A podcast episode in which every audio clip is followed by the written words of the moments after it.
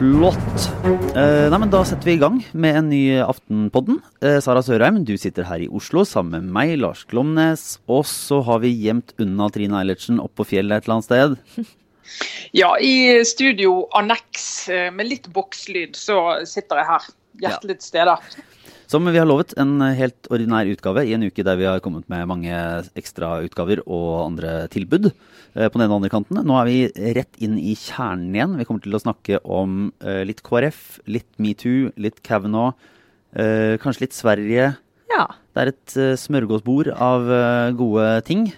Vi kan jo bare starte med uh, et lite spørsmål til deg, Trine Eilertsen. Har du sittet oppe på annekset og endra passord til uh, gamle e-postkontoer i det siste? Det, jeg er glad for at du spør. For jeg fikk en uh, liten melding i går fra en vennlig sjel i redaksjonen som sa ja, nå skal vi snart publisere en sak om at 1,4 millioner kontoer er hacket. Og der fant vi to av dine. Ja, så da eh, fant jeg to av mine, og det eneste gode jeg kan si om det, er, to ting. Ene er at det er et veldig gammelt passord. Det vil jeg understreke. Det viser at jeg var utrolig naiv i min eh, passordutforming. Eh, men det andre er jo at liksom under ingressen 'samfunnstopper og viktige folk', så tenkte jeg ja ja.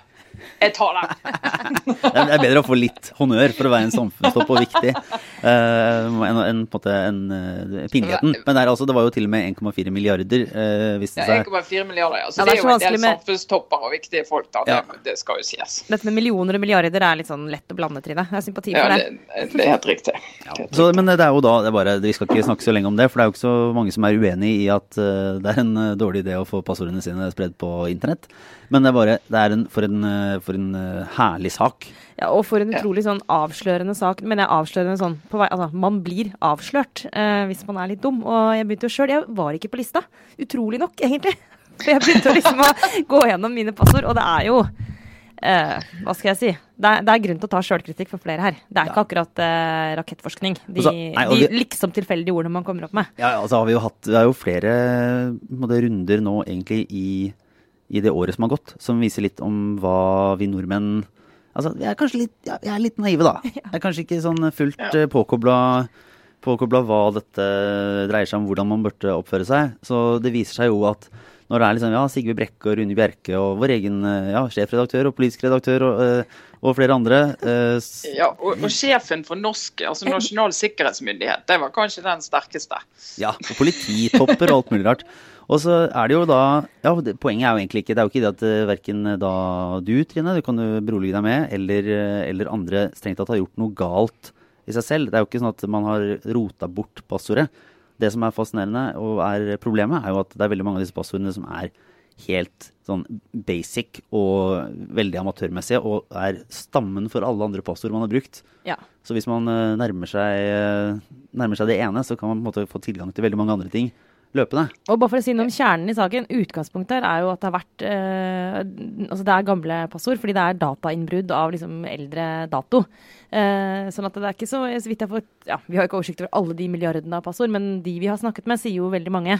Litt i selvforsvar, men også sannsynligvis at det er riktig at dette er eh, eldre passord. Men så er jo spørsmålet da selvfølgelig hva du kan bruke den informasjonen til. Det går jo an å opprette falske e-postkontor i, i ditt navn, og så er det selvfølgelig da sånn at hvis du først har liksom mellomnavnet ditt og eh, postnummeret ditt, f.eks. Så i et passord så kan du prøve mellomnavnet og fødselsdatoen til den ungen neste gang, og så Oi sann! Ja. Ikke sant? Og så er det, det, er jo sånn, det er jo så mange gode eksempler, og vi har jo ikke gått ut med vi har ikke gått ut med måtte knyttet passord til person, eller egentlig gått ut med passord i det hele tatt i saken, fordi det nettopp for at folk skal ha mulighet til å trøndre. Men det var jo ett av passordene som vi da har gått ut med, som var en, en, eh, en eh, innflytelsesrik og forhåpentligvis oppegående da topp, som eh, hadde lagt inn passordet sitt Visa, også fire siffer. Hvis vi skal våge oss på en analyse av dette, så må det jo være noe i Og så må jeg bare sånn Ja, det er PIN-koden, og den bruker jeg fortsatt. Og så og så, og så er det sånn Og så liker jeg sitatet, for det er, liksom, det er midt i kjernen her. Ja, jeg vet at det er helt idiotisk å lage et sånt passord, Men skal man holde styr på alle passordene, må man ofte ty til enkle fraser som er innarbeidet. Så bare sånn Nei! Det er ikke det du skal!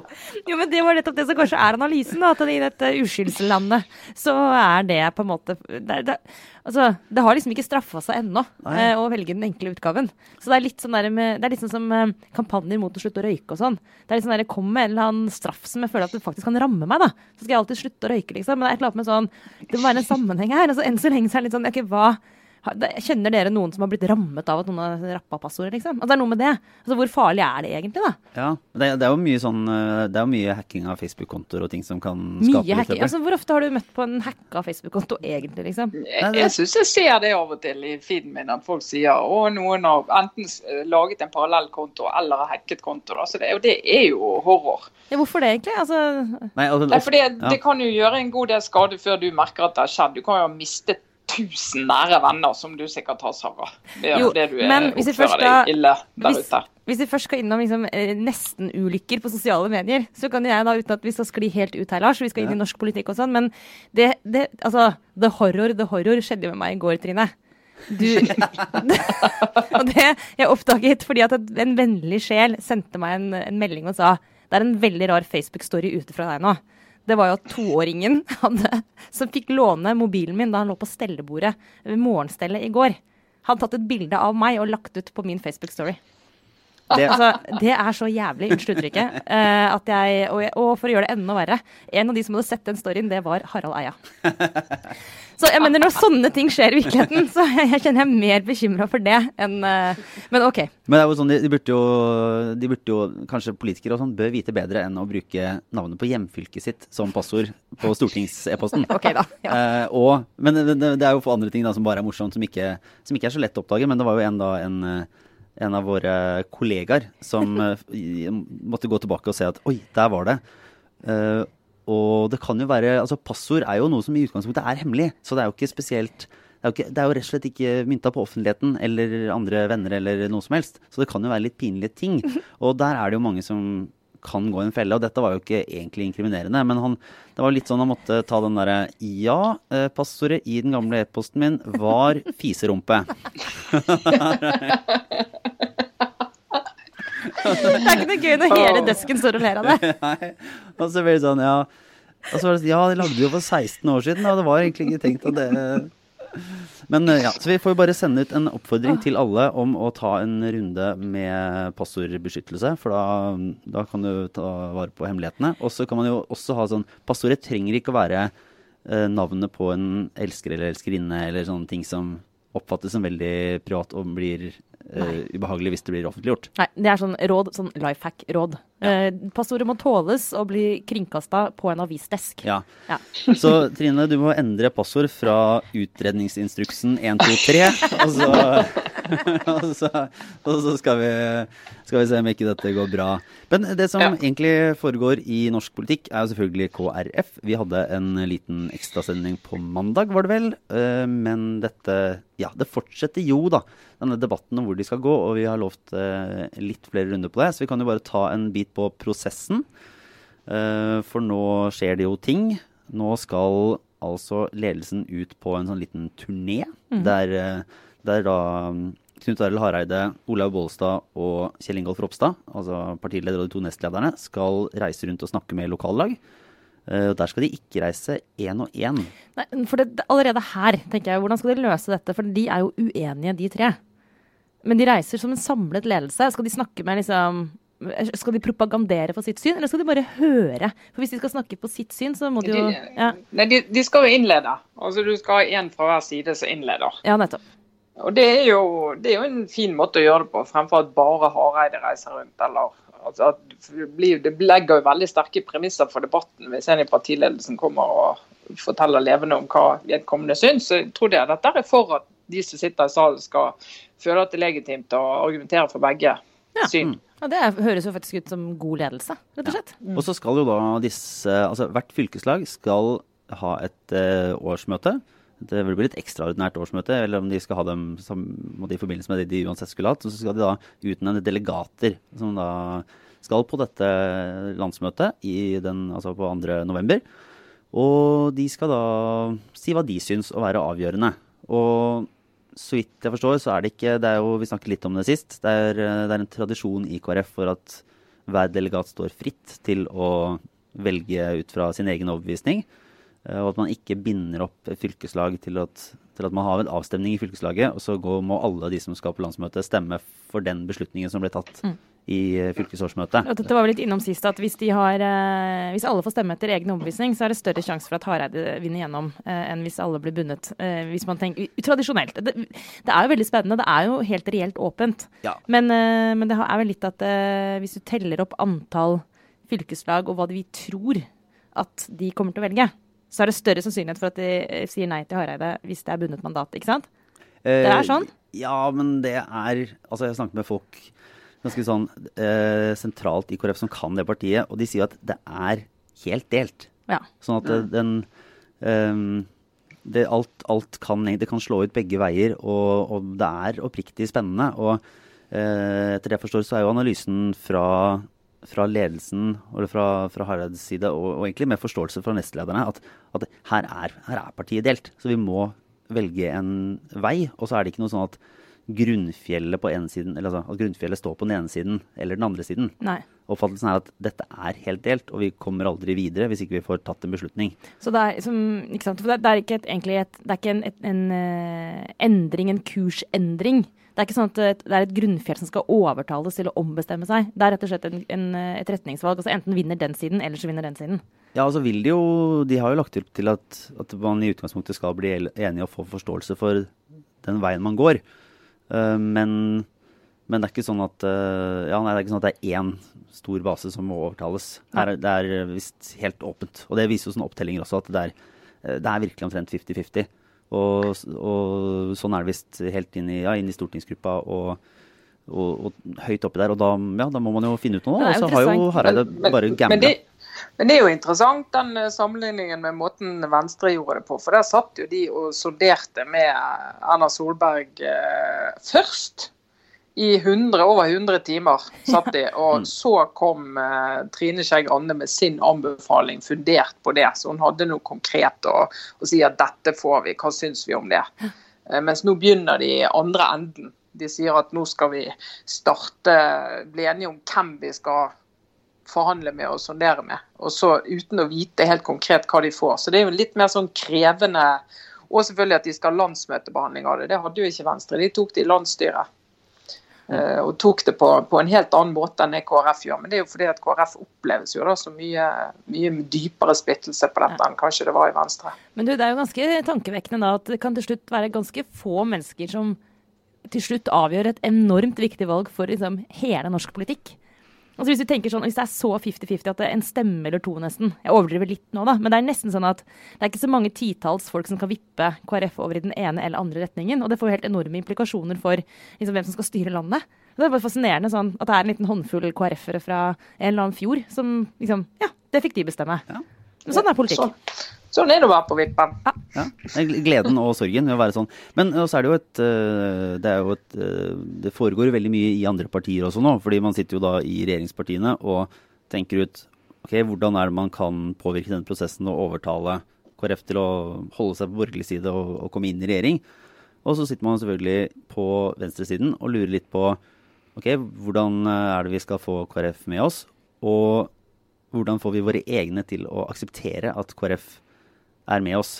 For det er jo, det er jo ja. En ting er jo at Arbeiderpartiet vil i regjering, som de jo alltid vil.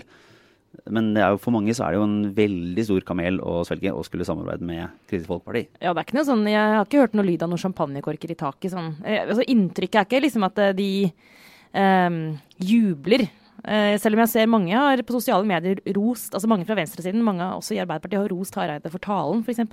Eh, klokt, vist uh, Altså, det er mange sånne superlativer. Så det, det, er of course fordi han lener seg i, i samme retning som dem. Men, men, sånn ideelt sett for Arbeiderpartiet så er det jo ikke den beste måten for dem å komme til makten på. Altså absolutt ikke. Fordi det er utfordrende fordi av mange, mange årsaker. Én ting er jo at uh, de er litt bekymra for hva som skjer med byene i, og i kommunevalget. Uh, og så er jo spørsmålet da uh, i 2021 Naturloven i politikken, Trine, jeg vet ikke om det gjelder fortsatt, tilsier jo at Arbeiderpartiet måte, skal vinne det valget. Hvis de kommer fra opposisjon. Altså, det er et eller annet på at, altså, at Erna Solberg skal vinne enda et valg, er liksom det, bare, det, det, virker så usannsynlig bare basert på historien. At liksom, Skulle vi ikke bare holdt ut i 2021, da, og så vinner vi da? I stedet for å liksom, vakle inn i den valgkampen med en utrolig svak regjering med ekstremt høyt indre konfliktnivå. da. Nei, og det er, jo, det er jo krevende for Arbeiderpartiet å være i en mindretallsregjering mindretallskoalisjonsregjering for første gang, og når Arbeiderpartiet er på sitt svakeste på år og dag. Så det er jo krevende. Men dette er jo noe som eh, altså, regjeringspartiene kommer til å bruke. og Det er et utrolig viktig poeng for de å få frem at det eh, Knut Arild Hareide anbefaler nå, det er at KrF skal gå i en mindretallsregjering som er avhengig av støtte fra SV. Og der SV kan eh, nedlegge veto mot KrF sine gjennomslag i regjering. Det tror jeg vi kommer til å få høre en del. Og så kommer de til å si at velger dere det andre, så får dere flertallsregjering. Og det er et godt sted å være for små partier med litt marginale synspunkt. For da gjør vi opp regningen inne hos oss og slipper å styre ned i Stortinget med alle de der eh, raddisene som ikke liker men, verdiene. Men er, det ikke, er det ikke det som er da Da glemmer man hele den SV-felletankegangen. Det, sånn, det er så deilig å være et bitte lite parti i en flertallsregjering. Ja, For da blir vi helt usynlige? Ja, ja for det, det fins jo argumenter Eller det, man kan jo ikke en sånn peke på SV og si ja, OK, det er KrF. Er, eh, det er sånn det kan ende opp. Ja, det, det som er litt uh, interessant med dette, da, det er det at Hareide sin hovedargumentasjon for å skifte side er jo egentlig Altså, han er relativt emosjonell. og jeg tror Hvis vi ikke hadde hatt Sylvi Listhaug eh, gående rundt og slenge ut håndgranater eh, de siste par årene, så er det ikke sikkert at Knut Arild Hareide hadde hatt den tunge skytsen han har nå for å si, eh, snakke om anstendighet, som han snakker om. Mm. Ordskifter. Han skal redde det nasjonale ordskiftet ved å skifte side og lage en ny regjering. Men, men, men, men det han også litt glemmer å si, det er jo at de har jo masse til felles politisk med SV. de. Altså ta denne, En av de viktigste sakene til KrF, øke barnetrygden. Det er det SV som er enig med KrF i. Veldig mange andre partier som ikke er spesielt opptatt av det, for å si det mildt. Eh, og De har en del sånn oppå bistand og fattigdom og en del sånne ting. Så tror jeg KrF og SV kan finne helt fint sammen. Eh, men han har ikke snakket så høyt om det, fordi han vet at det er folk i partiet som er redd for at akkurat SV skal Eh, stoppe en del andre typer sånn verdivedtak, som jo er det han kan få gjennomslag hos hos Høyre. Mm. Men Verdispørsmålene kommer liksom bare og ødelegger for utrolig mye. Altså, hadde det ikke vært for det, så hadde det vært grei skuring. Og helt fint blitt enige på begge sider av blokkene og bare ikke noe problem. Men så kommer de her eh, egentlig utrolig marginale spørsmålene, men så får da enkelte er selve fundamentet de baserer hele sin politiske forståelse på. ikke sant? Altså det tilsynelatende Unnskyld at jeg sier det, men sånn Det er jo det er jo helt bisart at f.eks. spørsmål rundt abort i det hele tatt er et tema. Ja, men, men, når det er snakk om utvidelse av abort, så er, det, så er, det, jo klart det er et tema. Og det er jo en voldsom irritasjon i Venstre over at Knut Arild Hareide løftet frem en ytring fra unge Venstre-lederen om eh, abortgrense på 24 uker, som ikke er vedtatt i partiet, ikke er offisielt program, og liksom hekter det på han og sier at se hva vei Venstre går, hvor elleville de er på viktige verdispørsmål for oss, da, og ikke nevner at AUF er jo på samme hakke. Uh, og det er sånn, Venstre er forbanna for det, og de er forbanna for at han snakker ned alt de har fått til i disse årene. Da. Så det er en sånn Jeg aner en ganske stor aggresjon der uh, etter den talen forrige fredag. Ja, så er vel Det som jeg bare har hørt som annen, et, et, annet element som, jeg, som kan tas med her, er jo at Eh, det som sier og fått høre, er at, eh, at, eh, kanskje vi og det som kan, kan kalle Aftenpodden-segmentet Hvem er det? Som, nei, jeg vet ikke, men jeg skal i hvert fall på egne vegne så kan vi jo si at det er ikke sikkert at vi er de beste til å forstå KrF. Nei, det kan vi vel egentlig da, skrive på. Da ser jeg jo ikke minst på deg, Sara. nei, men, men at, at, den, at det er lett for de som er på utsiden å undervurdere den nærheten til Senterpartiet. Og liksom kjærligheten til Senterpartiet. Og Det var jo noe Knut Arild Hareide snakka om i talen sin. Det, var jo, det ble jo litt sånn parodiert at han sto og sa en sånn valgtale for, for Senterpartiet. Mm -hmm. Men det, det, trekkes jo fram av de som vil eh, gå i rød-grønn eh, retning. At den, det er et, sånn, det er et fellesskap og et, eh, et brorskap som som veier ja, ganske Men det er det jo, for, mange. det er jo de mest bakoverskuende partiene vi har. Altså, bare for å si det helt nøytralt. men, det, det lurte, men det jeg lurte på, det, det, er jo ikke sikkert at vi kan svare på det heller, men, men om, om, KrF går til Venstre og, og, får gjennomslag på noen ting som er da f.eks. på bistand og, og mer kanskje på barnefattigdom og, og noen av de løsningene der, så blir jo spørsmålet om man ved å forlate noen av de velgerne da, som, eh, som ikke ville gå til, til venstresiden, på om det gjør at verdien og viktigheten av å stå symbolsk hardt på noen av de andre verdisakene blir mindre. Altså Det kan jo hende at, uh, at nødvendigheten av å stå ja, og, og, ha en veldig symbolsk uh, hard linje på, på, ting som altså på homofili. Det var jo drama nå i sommer i forbindelse med at en kommunikasjonssjefen giftet seg med en dame og ble viet av stortingsrepresentant uh, Geir Jørgen Bekkevold. Det kan at det er sånne spørsmål som Eh, som det kan være lettere å kommunisere hvis man uh, har akseptert at en del av velgerne på høyresiden i partiet mm. egentlig ja, er litt forlatt. da. Og Det er jo et ønske om å bytte ut en del av velgermassen. og Det er jo rasjonelt på den måten at en del i det segmentet de er jo snart, de nærmer seg 80 i galopperende fart. og de, Det er sistegangsvelgerne. Uh, og De er nødt til å bygge opp en ny base med velgere i andre enden. da, og Det er jo de de, de prøver å nå med dette skiftet. da. Mm.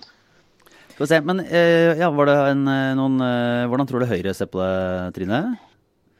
Det Høyre de er jo, altså Nå har jo de ikke lyst til å gjøre noe hvor de går ut og gjør noen i KrF irritert eller forbanna. Jeg hørte Erna Solberg på Politisk kvarter i morgen, så hun var jo så raus og rund og velkommen at jeg tenker at hun at hun nesten skaper et problem bakover. Da. For det er mange som er forbanna på Knut Arild Hareide for hans historiefortelling forrige fredag. Den veldig selektive måten han snakket om hva som har skjedd i de borgerlige partiene versus det som har skjedd i f.eks. SV. Mm. Eh, og, men, men, jeg tror de har fått litt sånn marsjordre på at for all del, don't rock the boat. Ikke vipp det. Og så heller prøv å plante påminnelser om alt de har oppnådd. Uh, underveis. Også. Men, men de er jo, de er jo usikre de også, på hvordan eh, dette ender eh, den dagen. Oh, jeg gleder meg til det som er eh, å, å se frem til, er at Sylvi Listhaug kom med sin bok som er skrevet sammen med Lars Akerhaug. og Den er planlagt utgitt i uka som er før dette ekstraordinære landsmøtet. Siste mm. uka i oktober? Ja. Men du, da krasjer han jo faktisk med omtrent med denne ganske sånn eh, Hva skal vi si Altså en bok det knytter seg mye spenning rundt, nemlig denne boka om Arbeiderpartiet. Som VG-journalistene mm, Lars Joakim Skarvøy og Marie Melgaard kommer med. Alle skal ned. Eh, hvor de går opp hele denne, eh, dette metoo-året i Arbeiderpartiet. Den kommer også i slutten av oktober. Og hvis vi Men den kommer kanskje veldig snart. Den Per Sandberg og Bahare Letnes-boka. Så der, der kan KrF-delegatene ta stilling til litt av hvert i mellom to permer før de skal velge. Det blir fin bokhøst. Ja. Jeg tror for, Men bare, bare, ja. siste, bare, siste, poeng. For det som en del er opptatt av på borgerlig side nå, det er ett parti som kommer til å leve høyt etter et eventuelt regjeringsskifte. Gjett hvilket. Ja. Og det er jo Frp. Ja, ikke sant. For dem... Da fordi Senterpartiet posisjon er det yndlingsmotstanderen, og de kan slå seg helt løs på alt det andre. Så der er liksom eh, analysen at eh, det kommer til å bli et 20 %-parti før første statsbudsjettet til den nye regjeringen. Og med en liten, kanskje altså, relativt liten, da, men likevel eh, viktig velgermasse for dem som da muligens har blitt forlatt av partiet sitt. Altså de eh, kristenkonservative KrF-velgerne. De har mistet, de har mistet mye til Senterpartiet også. Ja. ja. De, blir nok, da. de får nok en grei flørt fra Sylvi Listhaug i den boka, vil jeg tro. Det vil jeg tro. Sånn som det ser ut. Men eh, eh, egentlig bare en eh, morsom hendelse som er liksom i Senterpartiland. Som var, jeg vet ikke om du hørte den, Trine, fra fjellet, men det var jo en Dagsnytt 18-sending i uka som var med Una Aina Bastholm ja. fra MDG som uh, måtte stilte seg sa det til Senterpartiet at vi er, vi er, gjerne med og prater om hva vi kan få til. Ja. Og stilte så, så, hyggelig og høflig opp og sa her, vi har jo mange ting til felles, og vi kan, uh, vi kan møtes, og her er noen greier. Med et fantastisk lite intervju med Trygve Slagsvold Vedum, som var Altså, han var så uh, altså, arrogant i, i møte med dette her, og var så bare sånn Ja, men MDG er jo et partiet, vi kan ikke samarbeide med dem. Og var, helt, var sånn, fikk døra midt i trynet. Ja, det var sånn, det kan dere bare drite i. Ja, altså, altså, dere er helt ja. urimelige, og kan ikke, vi kan ikke samarbeide med et sånt parti. Og dessuten så trenger vi dem ikke. Det var sånn, De har ingen innflytelse, så hvorfor vi skulle gjøre det, det skjønte han ikke i det hele tatt. Det var bare ingen forsøk på å, på å være med. Og, og, Vedum, da, som han nå Det ble, ble påpekt, jeg har ikke helt statistikken på det, men han var inne selvfølgelig på telefon fra Stange, der han bor. Og hver gang han er på Dagsnytt 18 nå, så virker det som han er et eller annet helt annet sted. Som er sånn ute i distriktene. Det virker som en del av branding. Så jeg ser for meg at enten så er det sånn at når Dagsnytt 18 ringer han utpå formiddagen og spør om han kan være med i sending, Så er han bare sånn ah, fader, nå må jeg kjøre ut på landet. Og så, og så setter seg i bilen og, og stikker ut og ringer opp. Eller så sitter han på Marienlyst inne på et sånn lite kott, mens han har en sånne lydteknikere fra dramaavdelingen i, i Altså NRK. landsbygd contentum. Ja. Med kuer som rauter og var alltid, alltid med. Eh, men det var vel det.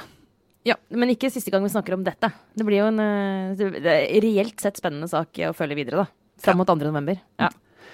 Og så eh, er det jo et eh, lite spørsmål om eh, metoo. ja, det er et år siden nå. Et år siden, Ja. mer eller mindre. Eh, Aftenposten har på en måte vi har jo, har jo kuppa litt den årsmarkeringa. Ja, for det er så egentlig ikke et år før um, bit, Altså, det er et år snart. Ja. ja. Men, men vi har valgt da å gå hardt, eh, hardt inn i uh, oppsummeringer på, fra det, store, altså det største kulturelle fenomenet i det året som har gått. Ja. Uansett hvor du setter startdatoen. Ja, det er helt riktig. Uh, nei, vi har uh, hatt en spørreundersøkelse. Den er jo behørig omtalt i avisa denne uka. Og uh, som viser at oppslutningen rundt metoo sånn ute blant folk flest er, er veldig bred og stor. Og at nordmenn overalt i Norge, og i alle aldre, og også jeg holdt på å si alle kjønn, eh, svarer ganske likt på at de, eh, de mener at eh, metoo adresserte en helt, reell, en helt reell problemstilling i samfunnet, og at, eh, at det har bidratt til å senke liksom, Eller til å gjøre noe med seksuell trakassering. Men akkurat det var vel ikke så veldig overraskende, eller var det? Nei, men det var det med en, at, at, at et så, så tydelig flertall liksom sier at ja, det er en reell problemstilling. Og det er på en måte også noe av eh, kanskje det viktigste med en sånn kampanje. Det er jo eh, å få ting opp på dagsorden for å kunne endre holdninger. Og det er jo det å anerkjenne seksuell trakassering som et samfunnsproblem. Man må jo starte der. Så hvis det på en måte, hvis, hvis flere har, eh, liksom, hvis det nå er noe flere mennesker enn før innser at ja, det fins, vi må forholde oss til det, vi må gjøre noe med det, så kan man si sånn ja, da, men da var det jo vellykka, da. Da hadde det en funksjon. Så, men, eh, men så kan man selvfølgelig hevde også at det er umulig å måle. Men, men nå har vi i hvert fall prøvd da, å, finne Ja. ut av hvor mange mener det. Og det var ganske mange. Det er jo veldig det er betryggende for oss da, inn i den urbane metoo-eliten. Ja. uh, at, uh, at folk ikke er et helt annet sted. Det var egentlig det viktigste. var at Det var ingen forskjell nesten. Det var veldig veldig, veldig få eh, små forskjeller på hvordan folk svarte i byen og på landet. Og Det var jo, en, det var jo en, faktisk en av de veldig veldig få seierne sånne folk som meg har fått de siste årene. Og du føler at du, føler at du har vunnet fram, Tok det som en personlig seier. At det var, landet har svart. Jo, men så det der, jeg mener at det er, det er faktisk et sånt grep som jeg altså det, det har irritert meg fra dag én. Det er det forsøket på å gjøre, og det gjelder ikke bare metoo, men det gjelder bl.a. metoo. Det forsøket på å gjøre metoo til et sånt elitefenomen. Eh, For hele poenget med den bevegelsen var at det var et breddefenomen. At det var så mange som deltok eh, og delte sine historier. Det var det som gjorde at den bevegelsen fikk kraft. Men det er klart at eh, å kalle det for et elitefenomen og beskrive sånne saker som maktkamp osv., det er retorikk som egentlig er med på å undergrave det. Så, det, så sånn sett så er jeg glad for de tallene, da. Hvordan, da, sier du, Eilertsen? Har vi, har vi beveget oss markant videre i eh, Norge i året som har gått? Ja, ja, jeg tror denne bevisstgjøringen er, er helt reell. Jeg også tenker jeg for en del uh, yrkesgrupper. Så når det oppfattes som et elitefenomen, så er det jo fordi at det var først da elitekvinnene begynte å klage på dette, at det ble en stor sak. For en del andre kvinner har jo opplevd dette her eh, langt mer systematisk og mye mer enn i mange år. Eh, Og det har vært rapporter om det, men vi har skrevet små saker, men vi har ikke gått veldig inn i det. Men når de liksom ypperste eliten kom, så, så gikk vi inn i det. da. Men effekten er jo så god at det mener jeg vi kan forsvare. Og så kan jeg også røpe at det kommer en sak i Aftenposten nå denne uka her om også de gruppene som aldri ble en del av metoo. Fordi at det, Når jeg først har sagt det første, så må jeg også si at det er jo sånn at disse manifestene som kom, disse oppropene og de som samla seg i grupper, det var jo eh, relativt ressurssterke yrkesgrupper, da. Eh, selv om det var veldig mange, eh, og etter hvert så kom det fra veldig mange ulike felt i samfunnet òg. Men det er klart, det fins jo fortsatt store grupper. Altså, det kommer jo ikke noe opprop fra folk som jobber i, mm, i dagligvarehandel, f.eks. Altså, det er liksom Nei, og servitørene, sant. Ja. Altså, eller altså, det fins oljeservicebransjen. Altså, det fins veldig mange som fortsatt Altså, det er veldig mange stemmer vi aldri hører. Så det, jeg anerkjenner at det er noe vi er blinde for generelt, og i denne saken også. Men, men det er ikke noe sånn at metoo er noe mer Det er ikke nødvendigvis et større problem der enn det er i alle andre saker. Uh, som vi kaller for en bevegelse. Det er jo alltid noen som ikke er med. mm. Jeg synes det er litt fascinerende, det kom jo i samme uke som denne hva, kultur, Jeg liker den at vi kalte kulturprofilen i Sverige. Ja. Han, eh, hva han heter han? Arnaud? Arnaud. Ja, mm. som, eh, som er- Jean-Claude, tror jeg. Ja, Ja. Det er lettere å kalle ham Nei, kulturprofilen, for, eller kulturmannen, fordi at eh, fordi navnet i seg selv er, det er sånn Hallo? Okay.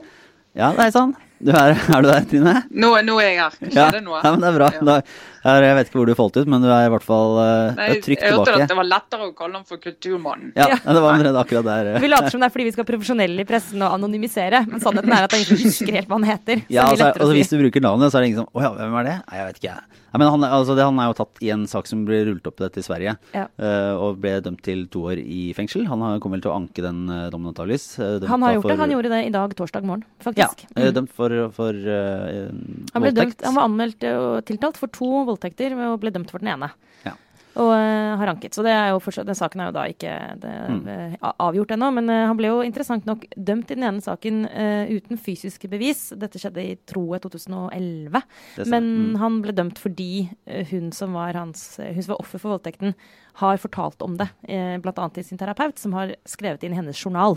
Og det ble vurdert som et sterkt nok bevis. Men den andre voldtekten mot samme person, som han også var tiltalt for, der var det ikke den typen bevisførsel, da. Eller Mm. hva man skal kalle det for noe. Så, så det, det er vel den første, i hvert fall i Skandinavia, den første dommen som man kan si at er eh, altså, som en direkte følge av metoo-komplekset. da. For disse sakene kom jo opp som en del, delvis i hvert fall, som en del av det i Sverige. Men vi kan jo, eh, det kunne jo egentlig, det er en debatt her som går litt i vår lille redaksjon eh, kontinuerlig, så vi trenger ikke å ta hele den nå, for da må vi med dyre på. Men du mener jo at det, det at Jeg mener i utgangspunktet at det kanskje har vært for få eh, for få konkrete saker som er tatt enten som har gått videre til rettsapparatet, det er nå én ting, og for få tydelige konsekvenser for de som har eh, mistet jobben eller blitt, blitt tatt for, eh, for, eh, for sånn, hva skal man si, metoo-overgrep eller oppførsel. Men du mener at det er en, du, kan få, du kan få siste ord i denne lille debatten som vi nå egentlig har hatt. Egentlig bare for å si, Du mener at det er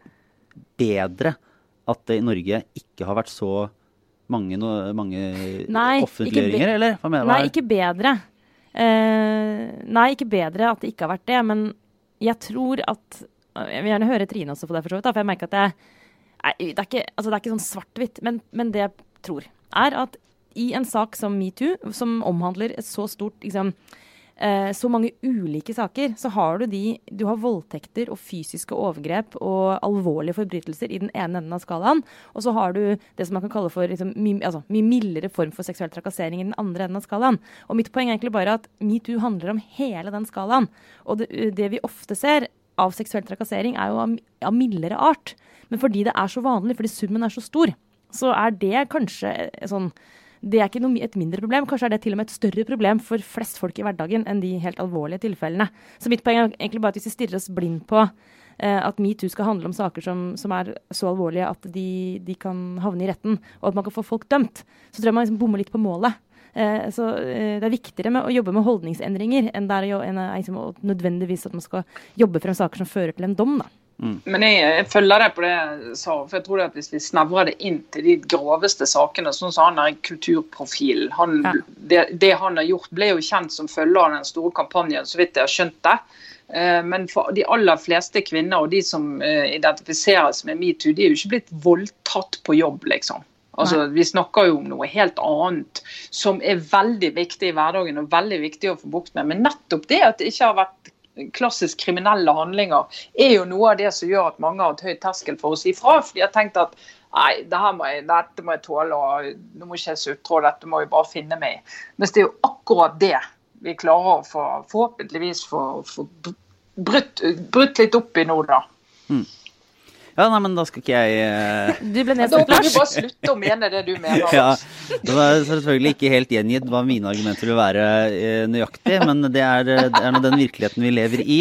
Så- Og du blir nedstemt av meg og Trine. Ja. Ja. Neida. Men vi, det er mulig vi kommer tilbake til det, men vi, vi skal jo fortsette li- bare du, litt med litt obligatorisk refleksjon. Og det går jo litt inn i samme leia i tematikk, Sara, hvis du begynner. Ja, eh, veldig, Nå som Trine er på fjellet, bare benytte sjansen til å bare smette inn eh, så mye jeg kan av mine poenger. Nei, eh, dere vet, vi snakket jo om eh, den Cavanagh-høringen forrige uke. På den, forrige, altså den vanlige sendingen vår forrige torsdag. Før høringen.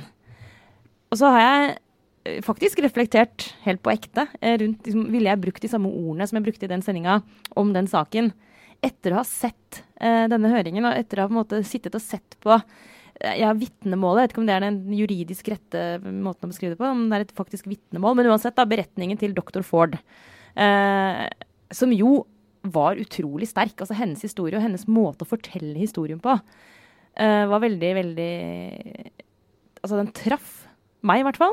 Og så Kavanaugh sitt eh, svar etterpå, som jeg opplevde som krakilsk, på grensen til uh, nesten litt sånn amatørmessig i all sin emosjonelle temperatur. Men samtidig også overbevisende. Det skal han ha. Altså, han, det, det, var sterkt på sin måte, det òg. I hvert fall å høre de to vitnemålene der, det uh, da, Etter det ble liksom umulig å omtale saken egentlig på noe som helst annen måte enn å bare kjenne sånn dyp, dyp sympati, egentlig med begge, men særlig med hun uh, Ford, da. Så en sånn høring liksom, Man kan sitte og lese uh, beskrivelser av sånne saker i en tekst. Det blir ikke det samme altså, når du sitter folk og forteller det, og åpenbart og er så prega sjøl av hvor fælt det er å sitte og fortelle om det. Og jeg, jeg fikk jo også den følelsen av at men dette burde jo ikke vært i offentligheten i det hele tatt. Og jeg synes det var liksom, ja. Nei, jeg, jeg, jeg kjente at jeg mistet egentlig litt sånn Og jeg tror det er riktig noen ganger òg. Altså kjenne at det, det, er ikke nødvendigvis bare hjernen man må bruke. Det Det rammer en liksom emosjonelt. Samtidig så gjør det det også vanskeligere å forholde seg til saken. Mm. Nei, jeg synes det var okay, Ja, hva tenker dere? Nei, altså jeg, jeg, så jo også det. og det var, Begge de vitnemålene eller hva du skal kalle det, gjorde jo utrolig sterkt inntrykk. og Jeg satt igjen med sånn følelse av at jeg tror at begge de to snakker ut fra deres sannhet. Altså det de mener er riktig. da. Ja. Uh, og, det er, og, det, og, det, og det, kan jo, Sånn kan det faktisk være. Det var vi jo innom. Uh, at mm. det er en sånn totalt forskjellig oppfatning av det. Men det som uh, jeg har tenkt etter det, for når jeg gikk inn i det, så tenkte jeg OK, han Kevin han, han kommer inn her, uh, får denne anklagen mot seg, han svarer på det. Jeg syns faktisk at hvis det er sånn at han mener oppriktig at dette har aldri skjedd, uh, så tror jeg det er, det er, ganske menneskelig å sitte der og forsvare seg med både sinne og sorg og og nesten panikk som han gjorde. da. Fordi at det er så krise, ikke bare for han, men for hele familien. Jeg tror jeg nesten ikke går an å sette seg inn i de som forventer at han skal sitte der og bare stille og rolig eh, avvise det litt sånn nøkternt, nesten i jusspråk. Da tror jeg du ikke skjønner for et stort, eh, for et stort sjokk det har vært for han. Mm. Eh, så akkurat så langt var jo jeg med han og tenkte at ja, jeg skjønner det. Det er selvfølgelig ikke stilig og veldig profesjonelt og alt det der, og det er liksom konspirasjonene haglet og alt det der. Men, men det går an å forstå det. Men det som jeg ikke kan forstå, og ikke kan skjønne at han valgte å gjøre, det var etterpå, når han ble utspurt av senatoren, de demokratiske senatorene, så ble han jo ni år. Altså, Han gikk jo rett i angrep. Det var litt var en som spurte han om han noen gang hadde hatt blackout når han hadde drukket. Har du? spurte han. Nei, har du? Altså, det er sånn, Da tenker jeg, ok, da da er, du ikke emosjonelt moden nok til å gå inn i en mm. sånn rolle eh, som han skal inn i. da. Så Det var der han mistet meg i den oppfølgingsrunden, mer enn akkurat i hans egen reaksjon på situasjonen, som jo er ekstrem. Men det er jo også, uten at det er hovedsaken her, så er det jo også et sånt eh, tankekors at eh, hvis de hadde byttet eh, måte å svare på hvis Ford hadde benyttet seg av den liksom ekstremt emosjonelle eh, metodikken, hva skal kalle det for noe. Altså, Kavanaugh, altså det å komme med utblåsninger, utskjellinger, gråte, snakke om barna. altså Hele skalaen av emosjonelle uttrykk. Hvis hun hadde gjort det, altså da det er mulig at jeg, eller jeg håper jeg tar feil, men jeg tror dessverre ikke jeg tar feil. Da ville hun bare blitt sett på som et veldig svakt vitne. Ja. Altså det, liksom det, der at hun klarte å være så liksom, altså, Ikke kjølig, da, men liksom at hun tok seg så innmari sammen. Og det, det, det, der er For kvinner er det liksom sett på som i mye større grad tror altså, Ok, jeg er generaliserende nå, men for en kvinne å sitte sånn og gråte og skrike det blir fort sett på som uh, svakt. Mens Kavanaugh, mange ble omtalt jo han som sånn at det var flott å se. At han var så sint og at han viste det. på en måte. Mm. Ja, ja nei, men, og, men det, og jeg har reagert litt på det. og Både vi og andre når vi har uh, trykket bilder av det og lagd altså bare sånne oppsummeringer, så har vi trykket de bildene av han der han, han ser mest sånn grotesk rasende ut. da. Sånn at han ser jo ut som han ikke er i balansens rus, og han er liksom bare gått rett i angrep. Men det var jo mange av de andre bildene der han satt eh, og gråt, egentlig, så gjorde mye større inntrykk på meg. Og jeg opplever det som en mann i full krise. Mm. Eh, som, eh, som, ikke helt vet hva han skal gjøre, faktisk. Og så tar de feile valgene. Og det spørsmålet om han er rett mann til den rollen, det, det ser jo ikke sånn ut. Nei, nå, er det jo, nå kommer eh, FBI har eh, da gjort en sånn superrask, kanskje for rask, ser jeg folk allerede er ute og spinner. Eh, Ikke etterforskning, men en etterforskning. Her er det mye teknikaliteter, men de har gått gjennom saken og, og levert sin rapport til Senatet omtrent natt til i dag, vel, norsk tid. Ja, Så nå kan senatorene gå ned i kjelleren på, si på i senatet og, og lese da en sånn fastlenka, mer eller mindre, utgave. Papirutskrift. Ja. Ja. Uh, og da skal i teorien ikke ta den med ut, og i teorien ikke si noen ting om den. Og så er det vel ja, Jeg vil ikke satt mye penger mot at det kommer til å komme litt lekkasjer og, og historier om hva som faktisk står der. Jeg ser for meg at det, det må vel nesten lekkes i den dynamikken som er nå, der alt lekkes. Ja. Så vi får se. Dette, det er jo eh, på, en måte fascinerende og litt for å si det, altså, jeg håper å si underholdende. men Det er jo et ord er feil å bruke i den sammenhengen. Men det er jo sånn at denne historien har blitt bikka helt over. altså du kan ikke, Det fins ikke et politisk drama som kunne herma dette. Uh, men uh, det som står på spill her, er jo altså Det er veldig, veldig veldig mye som står på spill. Så det er jo ja, reelt sett spennende. Når er det det skal avgjøres, eh, Lars? Det er nå eh, Eh, altså, det er sagt å være en første Det er, det er litt uklart når avstemningen vil være, men det er vel snakk om en, en første avstemning kanskje på, nå på fredag, og så snakk om en endelig avstemning på lørdag. Men det tror jeg ikke Det, må, det vet antageligvis de som hører på denne podkasten så Veldig godt som mye bedre enn oss, eh, ja. når den tid kommer. Fascinerende sak, i hvert fall. Ja. Ja. Eh, Og du da, Trine?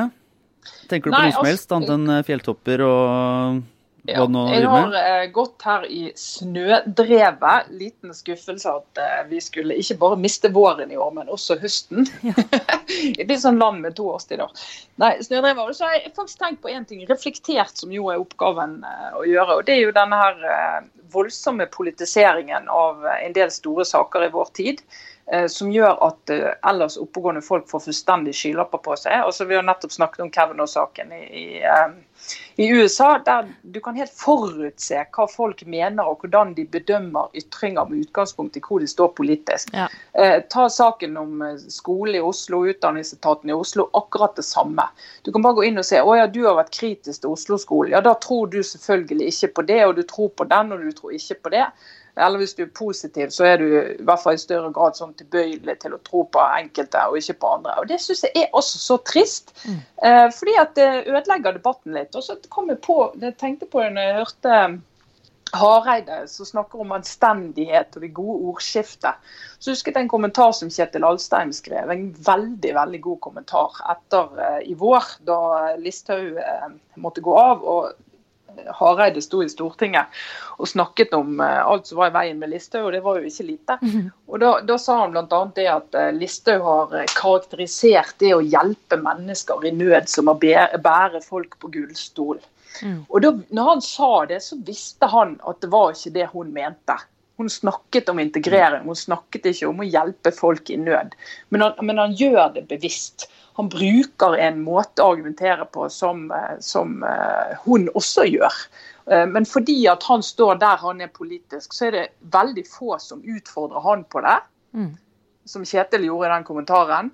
Mens hvis hun gjør det, så er det mer enn nok av folk som tar hun på det, og til og med overtolker hun og feiltolker hun, og bidrar de, drar de fortolkningene videre. Men dette, Og denne, ja. denne måten å drive politisk debatt på er splittende. Og da mener jeg at Knut Arild Hareide faktisk også bidrar til splittelse, fordi at han manipulerer sitater og tolker de feil bevisst. Men dette er utrolig. Dette går rett inn i den uh, fine Dylan-låta 'With God On Our Side'. Eller uh, ofte også et problem på, faktisk på, på venstresida, som er jo at hvis du bare mener det rette Altså Hvis du er den snille i gåseøynene, eller liksom har de gode verdiene, så kan du egentlig tillate deg liksom hva som helst av sleip retorikk.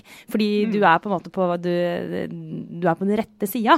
Ja, Målet ditt helliger det middelet. sant? Ja, men i politikken så har du rett til det, det gjør jo ikke det. Eh, og, og det å liksom evne å se det sjøl, og det å spille liksom redelig Dette går jo rett tilbake til How Democracy Dies, eh, Trine. Jeg har ikke snakket om den boka på lenge. Jeg har ikke snakket om den på minst tre uker. Minst tre uker. Ja, les den. Ja. Ja. Men eh, jeg tror vi skal runde av med en, en, skal si, en kjempenyhet i vår lille podkastverden. Fordi det, hadde jo, det glemte jeg å si i starten. Men eh, hold av datoen. Ja, nå ble jeg eh, faktisk veldig sammen. spent sjøl, men nå skjønner jeg Ja. hva du skal si. Ja. Eh, Fordi 28. november så kommer vi til å ha livepodkast igjen. Yeah. Og det kommer, det kommer mer informasjon. Det var litt sånn en jubel som hørtes litt ut som du falt av stolen. eh, Men det er bra, Trine. Og Ja, jeg gjorde det. ja. Litt sånn nei, laglig. så, så hvis du er oppe fra stolen, eh, så kan vi Det var altså 28. eh, november. Blir livepodkast. Eh, svært gøy. Eh, folk må komme og sette av datoen. Og det kommer med eh, billettinfo og litt forskjellig. Og så kommer vi Det ryktes at det kan komme til å eksistere eh, merch, rett og slett. Så vi tar imot tips på hva vi burde ha på, på Facebook-siden vår. Ja. Hva skal vi lage? Hva skal lage? Hva skal være med? Eller hva kan dere lage for oss? Ja, nei, nå har vi egentlig tenkt å få, få det laget selv. du vil ta grep sjøl, du, Lars? Ja, jeg vil det. Okay, Eh, det blir bedre sånn. Ja, ja, det, det, det skal jeg se før jeg skriver det under. Men Eh, greit, det blir merch, i hvert fall. Ja. Og så, eh, men eh, egentlig min lille anbefaling er en, en Vi er jo også heite på podkastfronten om dagen i Aftenposten, så ikke bare får man den daglige nyhetspodkasten forklart, men man får også en liten eh, sak fra kollega Bjørn Egil Halvorsen, som har laget en sånn en feature-podkast, en enkel episode om en, en gutt som synger, og så havner i stemmeskiftet. Rett og slett. Altså, det er en, eh, det er en eh, flott liten historie som eh, det kommer en eh, promo av når vi avslutter her. Eh, og så tror jeg det får være det. Har du kommet deg opp fra stolen, eh, Trine? Jeg er kommet meg opp fra stolen, og jeg lurer på om folk vil ha krus eller T-skjorter. Det lurer jeg på. Ja. Det er bare det jeg tenker på. Ja, Krus, T-skjorter. Er, er, det, er, det, sånn- er det capser? Nei, er det gensere? Er det bukser? Snakker vi eh, Ja, Snakker vi joggedress? snakker vi joggedress? en slags sånn russedress. Er, eh, One- piece, Onepiece, ja. Nei, altså mulighetene Altså per nå så er mulighetene uendelige. Ja. Så vi er, eh, vi å- vi åpner for kreativitet og, og ønsker. Men da takker vi for oss. Du er tilbake i byen til uka, er du ikke det, Trine? Absolutt. absolutt. Ja, og det er vel vi også. Det, det er statsbudsjett på mandag, vil bare minne om det.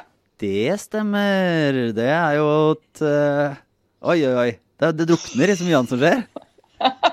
Blir en bagatell oppi det hele. Ja. Ja, ja, vi får nå se.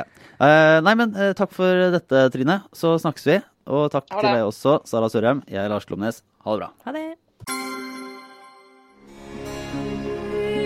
Guttesopran Aksel Rykvin var en superstjerne. Så skjedde det noe. Jeg ville liksom bli verdensklasse baryton med en gang, men man blir jo ikke det. Hør podkasten i A-magasinet Dokumentar på Acast i iTunes eller via ap.no slash Aksel.